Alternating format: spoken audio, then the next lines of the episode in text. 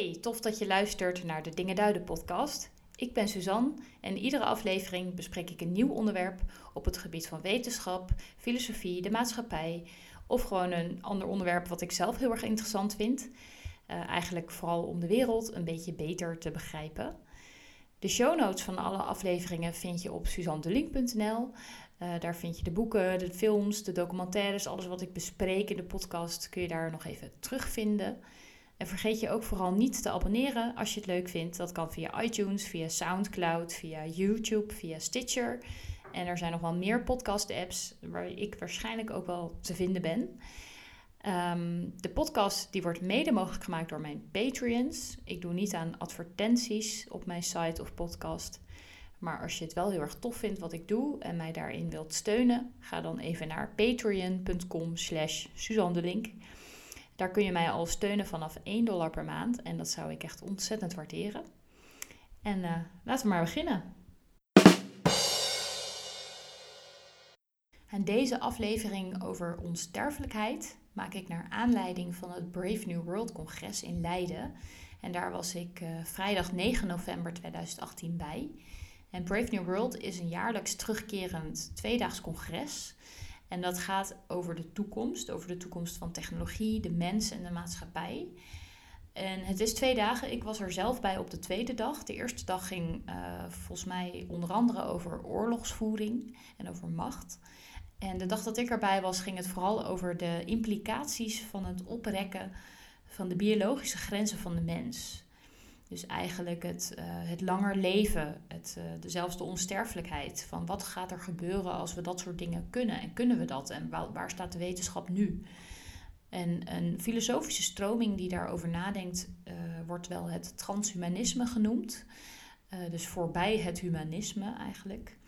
En um, ja, dat onderzoekt ook hoe we daarmee moeten omgaan. En hoe verder we de mentale en fysieke grenzen kunnen op, oprekken en hoe we daarmee moeten omgaan. Nou, de onsterfelijkheid is daarbinnen een heel belangrijk thema. En daar werd ook heel veel gesproken over tijdens het congres. En ik vind dat echt een enorm fascinerend onderwerp. Eigenlijk hebben alle mensen bij het idee van onsterfelijkheid ook gelijk een, ja, een gevoel of een, bepaald, een bepaalde emotie of een bepaalde mening. Uh, want het leven en de dood, dat zijn natuurlijk ja, de meest basale maar tegelijkertijd grootste thema's die ons bezighouden.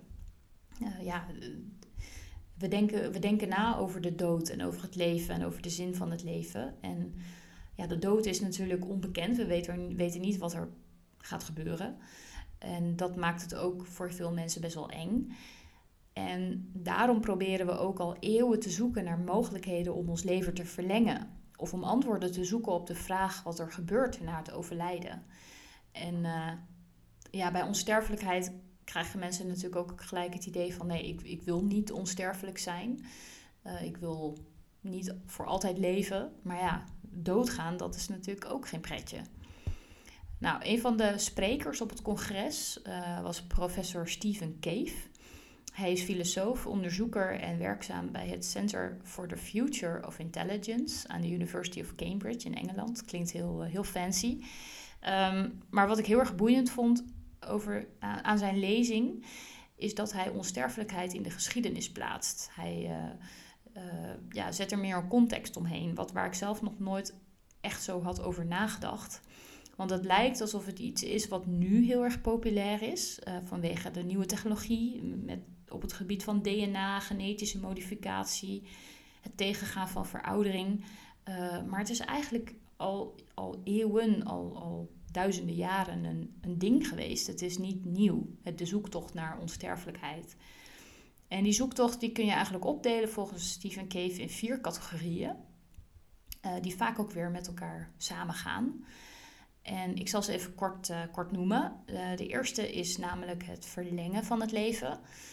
Um, ja, de zoektocht uh, naar de Fountain of Youth, dat, dat, bestaat eigenlijk al heel erg lang. Vroeger waren er alchemisten op zoek naar een soort levenselixer.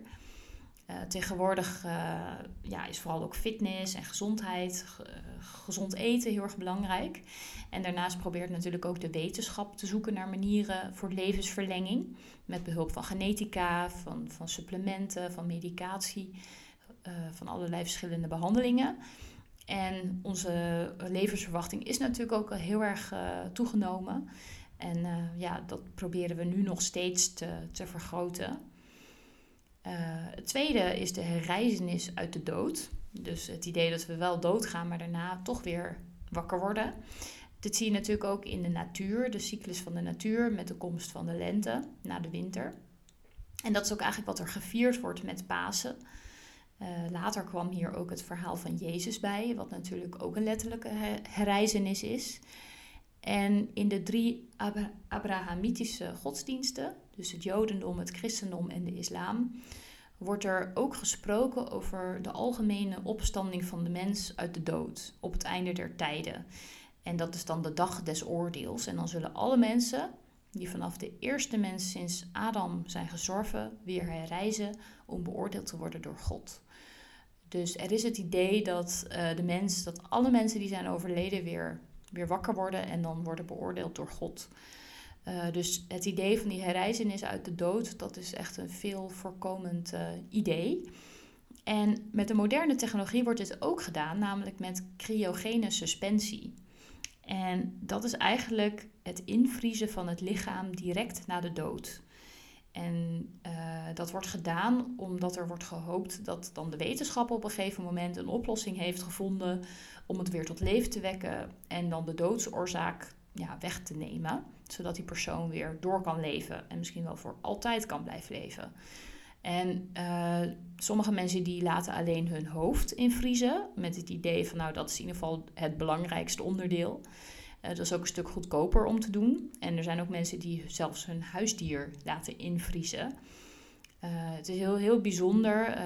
je moet het ook gelijk doen als je bent overleden. En dan moet er bepaalde vloeistof in je aderen worden ge, gespoten en dergelijke. Het is een heel bijzonder proces. Dat werd ook laten zien voor een deel tijdens het congres.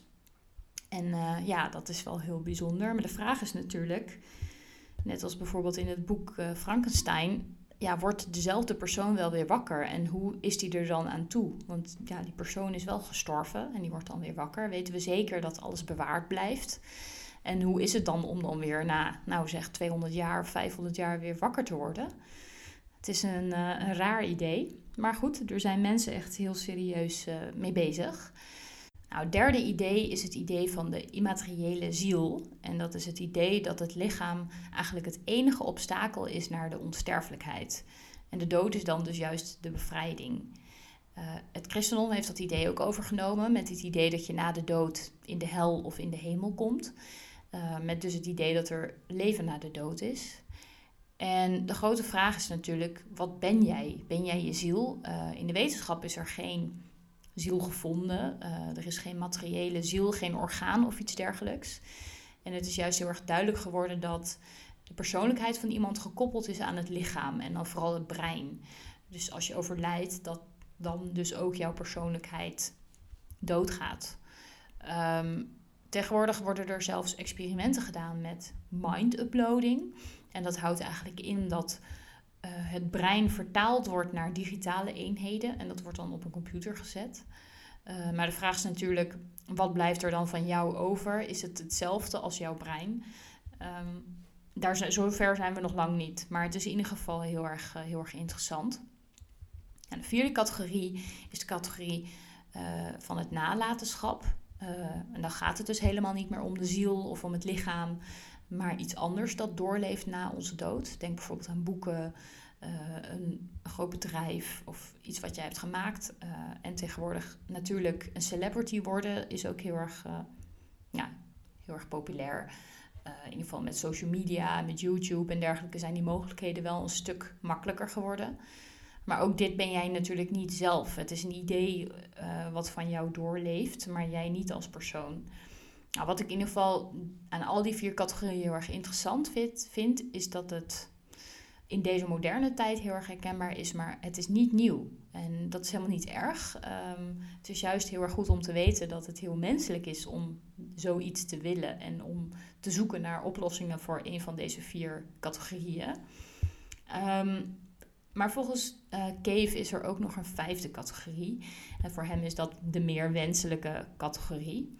En dat is eigenlijk het accepteren dat je doodgaat. En desondanks, of misschien juist wel, uh, dat je iets van dit leven probeert te maken. En dat is ook wat de Stoïcijnen al uh, duizenden jaren aanhangen. Bekende uitspraak van hen is ook memento mori, gedenk te sterven. En ja, dat is juist het feit dat je doodgaat, dat je dat niet moet vermijden. En dat je er juist aan moet denken. En want iedere keer dat je eraan denkt, word je eraan herinnerd om iets van het leven te maken. En de dood is namelijk ook heel simpel, namelijk niet zijn. Het betekent niks verder. De filosoof Ludwig Wittgenstein die zei ook: Death is not an event in life. We do not live to experience death. Dus de dood is niet een onderdeel van het leven, zegt hij. Doodgaan is misschien wel zelf, dat, dat is misschien wel onderdeel van het leven, maar dat is maar heel kort. Daarna is de dood nou, niet meer onderdeel van het leven. Um, ja, dat klinkt misschien heel cru, maar het is dus goed om bewust te zijn van de dood. En dat dat eigenlijk niet meer iets is wat je beleeft. En of het leven zin heeft en hoe jij invulling geeft aan de dood en het leven na de dood. Um, ja, dat is iets heel menselijks. En het is in, in de geschiedenis te plaatsen. Uh, er zijn bepaalde verhalen en ideeën die daar ja, veel voorkomend in zijn. En dat is denk ik goed om bewust van te zijn. Uh, zodat je beter begrijpt waar die uh, gevoelens en ideeën vandaan komen. Nou, mocht je nu denken, help, wat een onderwerp. Um, ik maakte ook een podcast over de existentiële crisis. Nummertje 8 van mijn podcast. En um, ja, daar kun je best last van hebben als je wat langer gaat nadenken over het leven en de dood en de zin van het leven. Um, nou, mocht je dat interessant vinden, vinden, luister die dan ook zeker eens. Nou, wat ik heel erg leuk vond, is dat ik na afloop van de lezing van Stephen Cave, ik vond het echt een hele interessante lezing, uh, heb ik hem even kort kunnen interviewen. Dat deed ik samen met uh, podcaster en blogger mijn, uh, en mijn vriend Peter Joosten. Hij heeft ook een podcast, de Biohacking Impact Podcast. En dat gaat echt over biohacking en nieuwe technologie. En we hebben hem dus even kort geïnterviewd en daar kun je nu naar luisteren. Um, Stephen Cave, you talked about four narratives about immortality, but you also came up with a fifth one. Uh, which of the narratives uh, mostly fascinates you? Hmm. Well, all four of the narratives that deny the reality of death fascinate me, but what really fascinates me is the logic of how one leads to the other. So each of the narratives is problematic. That's why we have four. There's no obvious one route to immortality. And it's the problems with each that leads us naturally in our thinking to the next one. And I think we can see this dynamic playing out throughout the history of civilization. And can you summarize the four uh, legacy, soul, hmm. resurrection? so, uh, yeah, so the first one which I called elixir, is the most simple. It really is just staying alive in this body on this earth forever. And almost every culture has some legend about how we can do that with an elixir of life or a fountain of youth. Or today, of course, we hope that medicine and science and technology are going to allow us to live forever in this way. But still, it's a good idea to have a kind of plan B, because of all the thousands of years of people who have been dreaming of finding an elixir of life, the one thing they have in common is that they're all now dead. So you need a plan B. And that's the second fundamental kind of immortality story, which is resurrection. So it stays with the idea that we are these bodies, but it says, although we have to die, we can nonetheless rise again and live again in these bodies on earth. And this is believed, of course, by Christians. It's what Jesus Christ did, but it's also Orthodox belief of Muslims uh, and Jews. And we're telling this story again today in the language of science and technology through cryonics.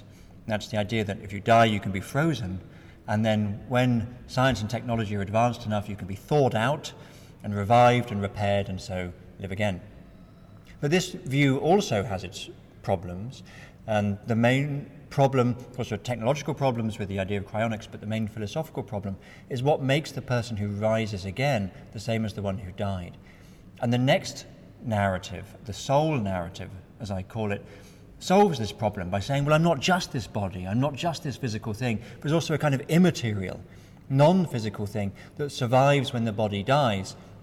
And maybe we can even see death as setting that thing, the soul, free. Now, in Orthodox Christian belief, the idea is you're a body and a soul and they have to be reunited. But actually, most Christians today, as well as many other people, like Hindus, for example, believe that really you're a soul and when your body dies, you're liberated and live on. And we're also telling this story in the language of science and technology in the form of mind uploading. So the mind parallels the idea of the soul, this idea of a real you that isn't a material thing. And the idea is we can upload this onto a computer. But this view too has some deep philosophical as well as technological problems. And to me, I think if someone uploaded my mind and created a replica of me on the other side of the planet, it would really be more of a consolation. It would feel more like a legacy than real survival. And that brings me to the fourth fundamental immortality story, which is legacy. The idea that maybe you're not this body, maybe you're not a soul, but you're a kind of bundle of things, and when you die, they're dispersed, and some of them live on because people remember you, they, um, they have photos of you, or they build statues of you, or whatever. And this view has also been enormously influential in our culture. If you think of Achilles, the great hero who died in order to become the most famous warrior, and we and today, of course, millions of people pursue fame, and we can use technology to become uh, famous much more easily than thousands of years ago when you had to be a great king or a great warrior. Now, all you need is an internet connection and an amusing cat. and we, uh, you also gave a TED talk about this topic, right? What's the most interesting or most common or most surprising reaction you, you got on your idea? Well, because I'm skeptical about whether any of these immortality stories really are going to give us immortality, and part of my research is thinking about what it means to be aware of death, and I argue in my talk that it can be paralyzing to realize that we're going to die and to face these uh, to face death without any of these immortality stories.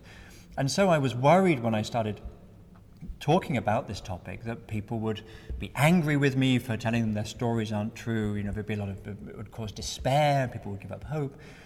But actually, what um, surprised me most is that people respond with a lot of positivity. I think there is a lot of skepticism about these immortality stories, but people don't know what alternatives there are, what other ways there are for thinking about the reality of death. Um, I was wondering, uh, do you think that these stories only can be there together, or also uh, can they also exist separately, or do they have to exist combined? No, they don't. It's quite rare for all of them to exist at the same time. Hmm. So I think we now live in an age. Of course, we're so globalized with so many people, so many different religions and philosophies mix that we do find all of these stories coexisting. But actually, throughout history, it's quite rare that they all come together. One really interesting example of where they do all come together is in ancient Egypt, which was this incredibly successful, long lasting civilization. It lasted for about 3,000 years. And it'd be fair to say they were obsessed with immortality. And they, I think they thought more deeply about the different routes to immortality than any culture, perhaps until today. But otherwise, if we look at um, Europe dominated by Christianity, for example, then actually it really stuck to, to one or two key aspects of the immortality stories that I talked about. And then they evolve over time. And do you think that it's problematic that these stories exist, or do you think that it, it's part of human culture, and or do you think that we have to find a way to overcome these stories and uh, focus on the fifth story you tell? Yeah, that's a good question. I, on the one hand, they do bring a lot of benefit. They are enormously reassuring to people, both mm-hmm. to people who are facing their own mortality but also to people who are dealing with bereavement, who have lost mm. someone. The idea that you're going to meet your loved one, your granddad, your husband in heaven can be extremely consoling. So they can do a lot of good. And, or to take the idea of the elixir, we heard some talks about um, the latest anti aging research, which show that the belief that it's possible to become immortal, if you like, on this earth is helping to push the forefront of science. Mm-hmm. But at the same time, they have real downsides. And with that, um, with the elixir story, it's false hope.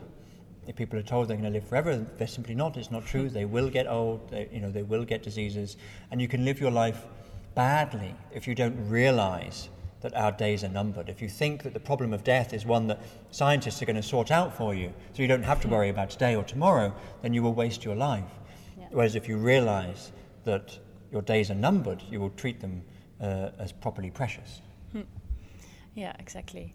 And uh, one last question: Do you uh, have an advice for people? Do you have one advice you give to people uh, if they have anxiety about death, or uh, because people you say that people don't want to accept death, mm. or they have uh, yeah. Uh, trouble to accept it? Do you have an advice for people? Yeah, so I think there are a few things that you can think about that help somewhat, and these are all ancient. You can find it in Stoic philosophy mm. and the philosophy of Epicureans. But try as much as possible to involve yourself with the lives of others, because then you'll become much less focused on your own mortality and your own death, and much more invested in the projects of others and in causes that you believe in. And the second thing is to focus on the moment, because for as long as you have a moment, you're still alive. When the moment of death comes, then you'll be gone. You won't know it. Focus on the present, and you will always be focusing on life. Oh, that's uh, beautiful. Thank you. Thank you. Nou, ook waren er op het congres andere verhalen over onsterfelijkheid.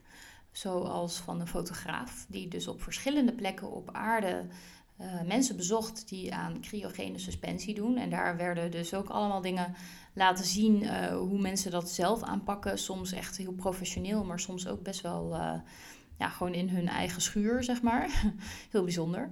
En het is echt een hele fascinerende wereld, omdat mensen heel erg positief tegenover de wetenschap staan. En tijdens hun leven zich al voorbereiden op, op hun plan om zichzelf dus te laten bevriezen. En daar dus ook echt heel erg in geloven. Um, en er zijn ook heel veel wetenschappers druk bezig met levensverlenging. En een daarvan is de Portugese professor João Pedro de Magalhães. Ik kan het echt niet goed uitspreken, Portugees. Ehm, hij werkt aan het Institute for Aging and Chronic Disease aan de University of Liverpool. En hij gaf ook een lezing en eh, hij vertelde daarin dat artsen, wetenschappers, koningen, uh, rijke mensen al heel lang op zoek zijn naar een manier om onsterfelijk te worden. Of in ieder geval om langer jong te blijven. En zelfs hele gekke dingen daarvoor deden. Zoals een Chinese keizer. Die probeerde dat met pillen uh, die kwik bevatten. nou, tegenwoordig weten we dat kwik juist enorm giftig kan zijn. En die heeft het waarschijnlijk ook niet overleefd. En een Russische dokter die probeerde het met bloedtransfusies. Maar ook dat leidde vaak tot, uh, tot meer problemen. En gelukkig weten we nu een stuk meer over biologie. Uh, en over bloedgroepen, ontstekingen, bacteriën en allemaal dat soort dingen. Uh, maar wat we natuurlijk nog niet hebben overwonnen is ouderdom en doodgaan. En veroudering is eigenlijk de grootste oorzaak van overlijden omdat veroudering de kans op ziekten als Alzheimer, hart- en vaatziekten en dergelijke vergroot. En ook is de kans groter om te overlijden aan een, aan een infectieziekte groter als je ouder bent. Dus veroudering is eigenlijk de oorzaak van doodgaan. Heel erg logisch. Uh, maar wat heel erg bijzonder is, is dat er ook diersoorten zijn die bijna niet verouderen. Zoals bepaalde vissen en schildpadden. Uh, er zijn in hun lichaam namelijk heel weinig fysiologische veranderingen. Um, en daarom zou je zeggen, dat vertelde hij, uh, dat het biologisch gezien niet onmogelijk is om, uh, ons, om dus veroudering te vertragen. En een ander voorbeeld dat hij gaf was van de naakte molrat. Uh, en dat is een gek beestje onder de grond en dat schijnt namelijk ongevoelig te zijn voor kanker. En dat komt doordat er waarschijnlijk tumoronderdrukkende genen in het beestje zitten, waardoor de cellen heel gevoelig zijn en uh, kunnen stoppen met delen als dat nodig is. Nou, dat mechanisme proberen ze dus te achterhalen, zodat het misschien ook op mensen kan worden toegepast. Nou ja, dat is dus allemaal best wel science fiction-achtig. En um, ja, het is wel heel erg, heel erg interessant. Er wordt ook gekeken naar de oudste mensen op aarde om te achterhalen hoe die leven. Nou, sommigen leven heel erg gezond, maar anderen ook zeker niet. En een groot deel zit uh, ja, dus wel duidelijk in de genen en ook in de processen van het lichaam. Nou, om het probleem van veel ziekte aan te pakken, en wellicht doodgaan in het algemeen, um, is het dus nu uh, vooral belangrijk, of denkt de wetenschap, om dat bij de bron aan te pakken, namelijk de veroudering.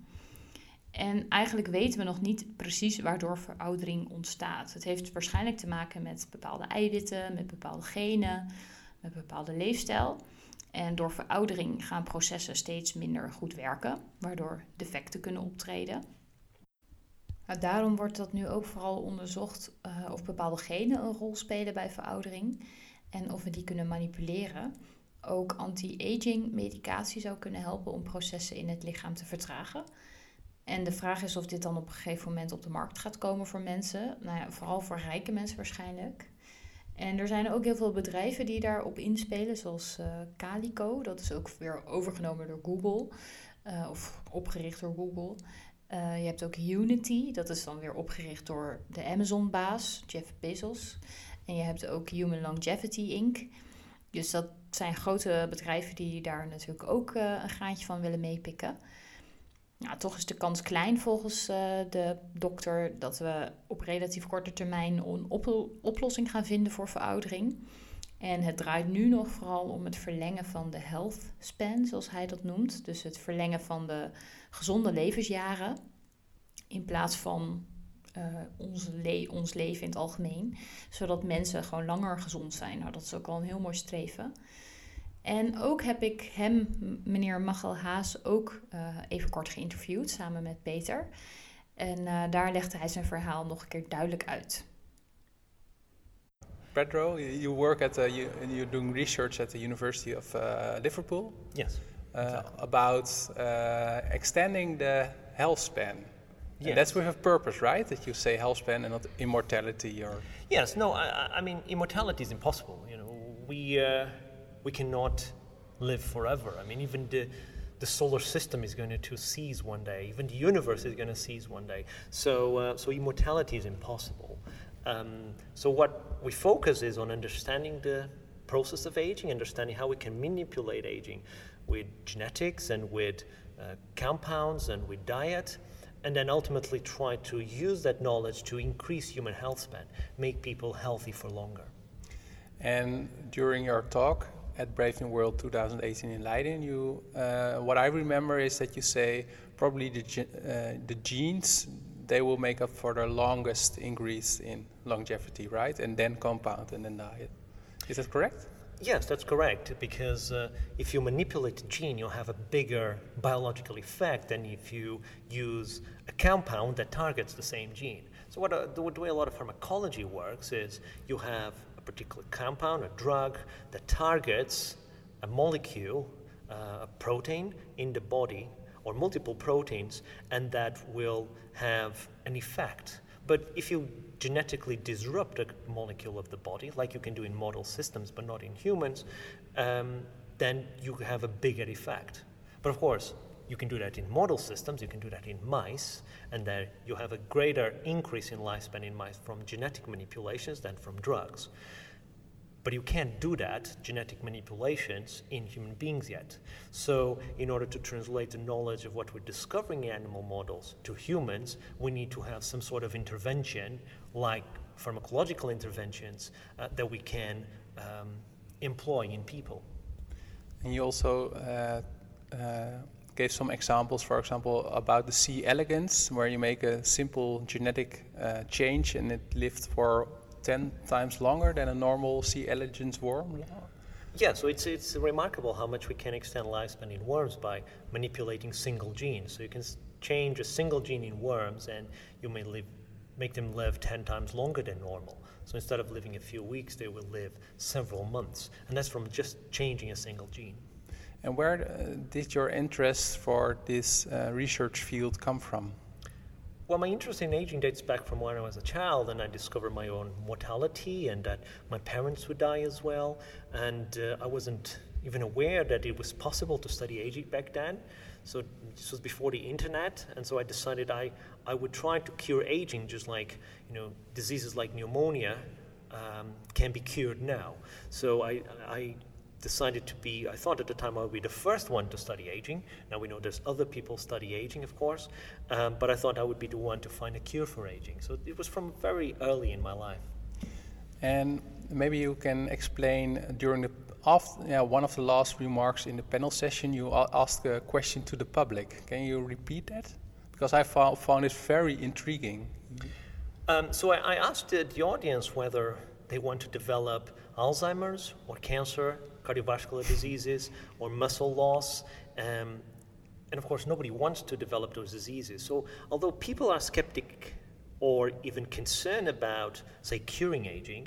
They want to cure what makes up aging. So everybody is fine curing all of the aspects of aging, but when they think about curing aging as a whole, they have some reservations about it. Hmm, yeah. And what um, you say immortality is not foreseeable in the, in the upcoming future, but um, uh, in what types of research do you think are, are promising? Well, I think what we discover from model systems, from animal models, is most likely what is going to be possible in human beings. Uh, perhaps to a, a, lesser degree, but that, that is what you can use as information to extrapolate into clinical applications, as it happens in many other fields. So, what we can do in model systems, we can we employ genetics, but we can employ longevity drugs as well to um, increase lifespan. So, that is possible already. So, you can increase lifespan 10, 20 uh, percent in animal models. So when, when you think about what is going to be possible in human beings, that's an extrapolation from what we can achieve in animals. Now, there's a question, of course, of whether what we find in animals can that be applicable to humans. We don't know, but I would say that's that's the best case scenario for how we're going to um, influence human health and human longevity based on our discoveries uh, in the biology and genetics of aging. Last question for my part. Um, do, what kind of measurements measures do you take yourselves? Do you uh, take rapamycin, metformin, FOXO4 free? Uh, I don't uh, take any drugs. Um, I, don't think there's enough evidence about their benefits and in some cases about their potential side effects. To be worthy of that. I do take some care. Um, I, I, try not to eat too much junk food. I exercise.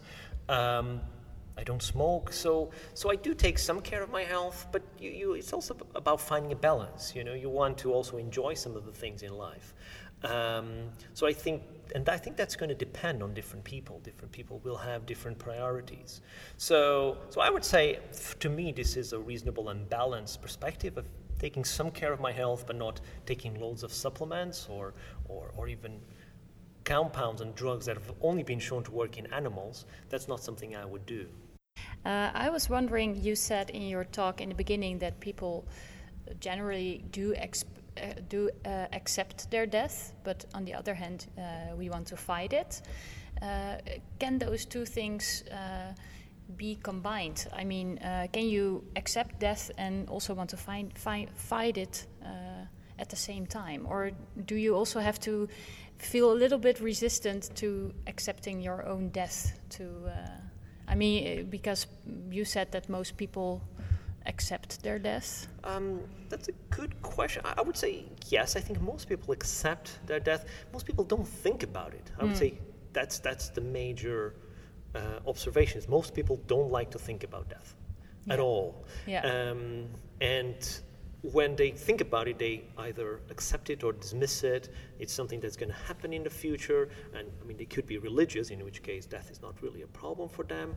Um, or they, even if they're not religious, they, they just accept it. However, if they become sick, if they develop a, a disease that is terminal or that could be terminal, yes, of course, they will do everything within their power um, in order to, to cure that disease. Yeah. So I, I, think people have different perspectives depending on their personal mm. circumstances. Yeah. Um, so that's what I would say. So I don't think. I, I, I think that, that it is a process, our, our perspective with death. It's, it's, yeah. it's, it's not something that you just decide, and I think it can change with time and throughout your life as well. And maybe also when you grew older, when you grow older, you might be a little bit more aware of your uh, mortality. And when you're still young, you think, well, I don't have to think about it, or mm-hmm.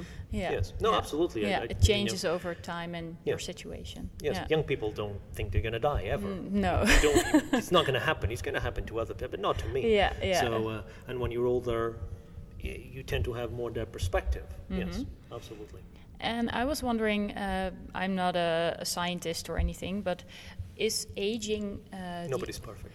No. Uh, is aging the only um, reason uh, for death? I mean, for normal death, or are there? Is it the the the diseases that uh, are caused by aging, or is is there are there other processes that also cause death, uh, or do do you only have to focus on aging as as a, a scientist who wants to cure uh, uh aging, or or or is are there other also other uh, fields uh, you also have to take into account? So, so I'm not sure I understand the question. I, I think well, well, I, I, I guess um, there's different causes of death. You can be hit by a piano. Yeah, yeah, of course. Right. so, uh, or a truck or something. So there are various potential causes of death. I mean, infectious diseases is still a cause of death. Mm. So you can have deaths that are or causes of death that are unrelated to aging. Yeah. Having said that, most people in the world, not just in industrialized countries, but most people in the world die of age-related diseases. There's okay. diseases whose incidence increases sometimes exponentially with age, mm. you know, hmm. like cancer, cardiovascular diseases, neurodegenerative diseases, etc. So those are the major killers in the world, not just not, not just in the industrialized nations. That's a global problem, and and so what we focus on is we focus on the underlying processes, uh, biological processes that predispose our bodies to those diseases um, and trying to understand why is a person who is 80 has so much higher probability of de- developing Alzheimer's than someone who is 40. What happens? What changes in the brain um, or, or, in the blood or in the immune system to predispose that person to Alzheimer? So, so that's something that we focus on is that mechanisms of aging and their relation to disease. Hmm. Um, and of course, if we can tackle those aging slash degenerative processes that result in disease, then it would have a huge medical and health benefits. Yeah. Does this answer your question? Yeah, yeah, I think so. Yeah, of course there are other reasons of death, but I mean, when you all survive all the accidents and everything, in the end it would be uh, aging related or. Um, yes, well, there are diseases that may not be age related. So mm. there are diseases that, well, infectious diseases are not the best example because actually most people who die, for example, pneumonia or the flu, they mm-hmm. tend to be mm-hmm. elderly individuals. Yeah, exactly. Yeah. So, so yeah. they're still, although anybody at any age can have those diseases, um, the mortality is much higher in older yeah. patients and, and also in, in young children. Yeah. Um, so, but you can have diseases that affect individuals of of any age, mm-hmm. uh, and you have can have causes of mortality. Let's call aging independent causes of mortality as well. Yeah, yeah, yeah. I, I, I think I understand. And uh, one last uh, question: Do you think that um, uh, in the f- future that uh, aging, uh, that people maybe get much much older? do we now already have to think about how we have to deal with it, or is it more like first we have to um, find a solution and then, or do you think we have to think about the consequences uh, of of those solutions as well, or do, um, do you think about those uh, consequences? Or oh yes, absolutely. Yeah. I think we need to be mindful of issues like um, you know the limited resources of our planet, which is an issue whether you know we're extending lifespan or not. Mm-hmm. We have too many people in our planet, and that is something that we need to be mindful and, and, and try to address as well. Um, so, so we do need to think about the best solutions to various global problems, um, irrespective of whether we achieve an extending lifespan or delaying aging or not. Um, having said that, I, I, do think, for example, overpopulation, the major issue with overpopulation is not how long people live, it's how many babies they have. Mm. That is the primary cause of overpopulation. It's not longevity that is a problem. So, not necessarily everything um, is caused by, by advances in longevity.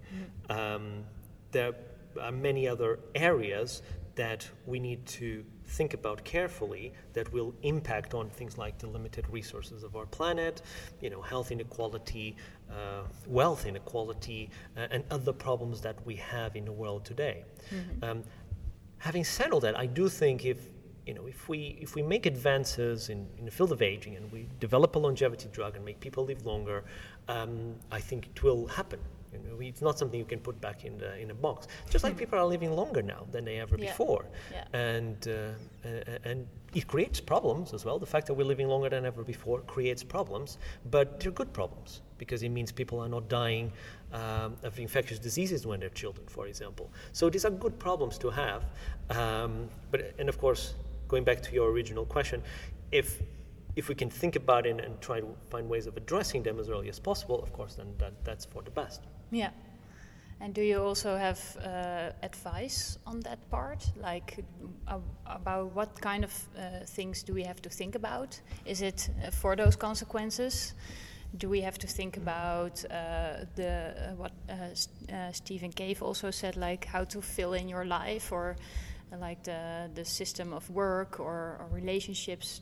Are there things we have to take into account, or I'm, I, is it just everything? I, I'm not, well, there's, there's lots of ways, Yeah. uh, or there's lots of potential problems. I, I don't think boredom would be one of them. I mean, Hmm. uh, that, that's not something that can, I think, so I would say things like uh, overpopulation and depletion of our resources, decreasing Hmm. biodiversity, I do think those are important issues that we need to address, whether we're living longer or not. So, absolutely, those are important issues we need to, to address and try to solve, or at least minimize those, those problems.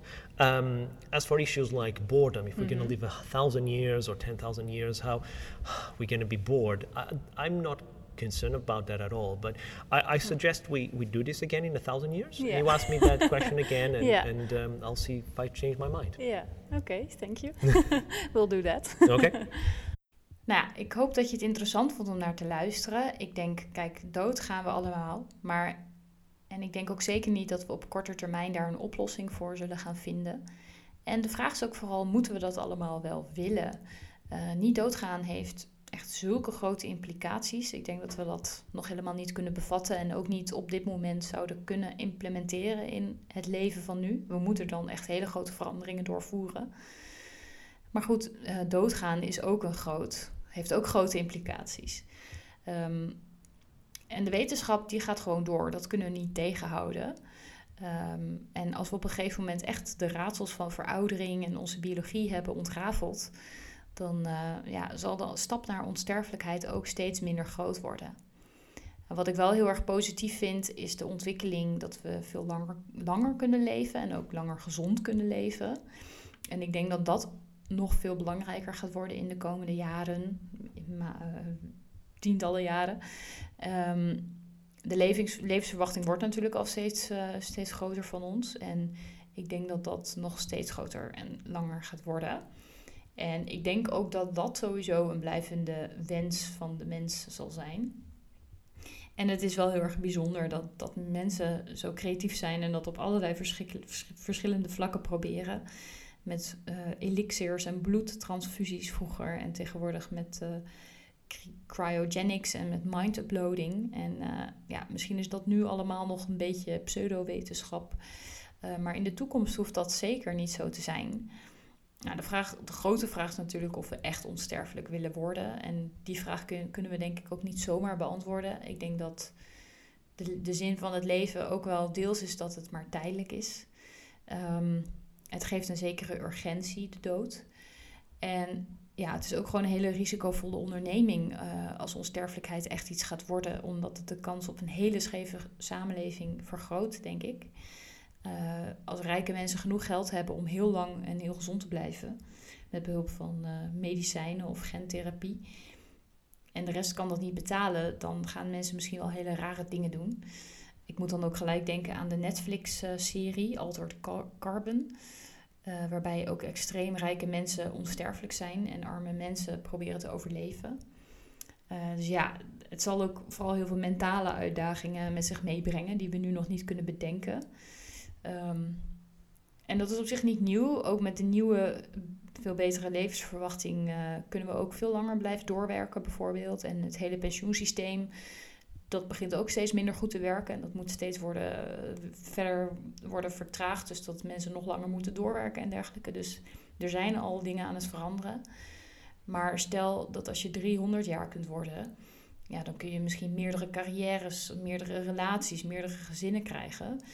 Ja, dan wordt het leven eh, misschien niet meer lineair, maar meer circulair. Dus dat je bijvoorbeeld zegt van nou, per, per cyclus van 50 jaar verander ik van, van carrière en, en relatie of iets dergelijks. Dat wordt, wordt bijvoorbeeld uh, gedacht.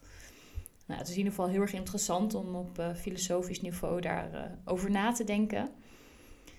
Maar ik denk dat we ons ook moeten beseffen dat echte onsterfelijkheid sowieso niet bestaat. Er kan altijd een piano op je hoofd vallen, zoals ze ook zeiden tijdens het congres. De dood is altijd dichtbij. En wat er dan gebeurt, dat weten we niet. Maar misschien is dat maar goed ook. Nou, dat was hem weer. Ik hoop dat je het leuk vond om naar te luisteren en dat je misschien uh, geprikkeld bent om hier ook nog wat langer over na te denken. In ieder geval uh, vind ik het heel erg uh, fascinerend om na te denken over de zin van het leven en over de dood. Um, ja, het zorgt er ook wel voor dat je dingen in perspectief ziet. Nou, mocht je het interessant vinden, je mag me altijd een berichtje sturen via Instagram of Twitter of via mijn website. Je kunt me overal vinden gewoon via Suzanne de Link. En uh, vergeet je vooral niet te abonneren op mijn podcast als je dat leuk vindt. En dan zie ik je heel graag weer bij de volgende aflevering. Doei!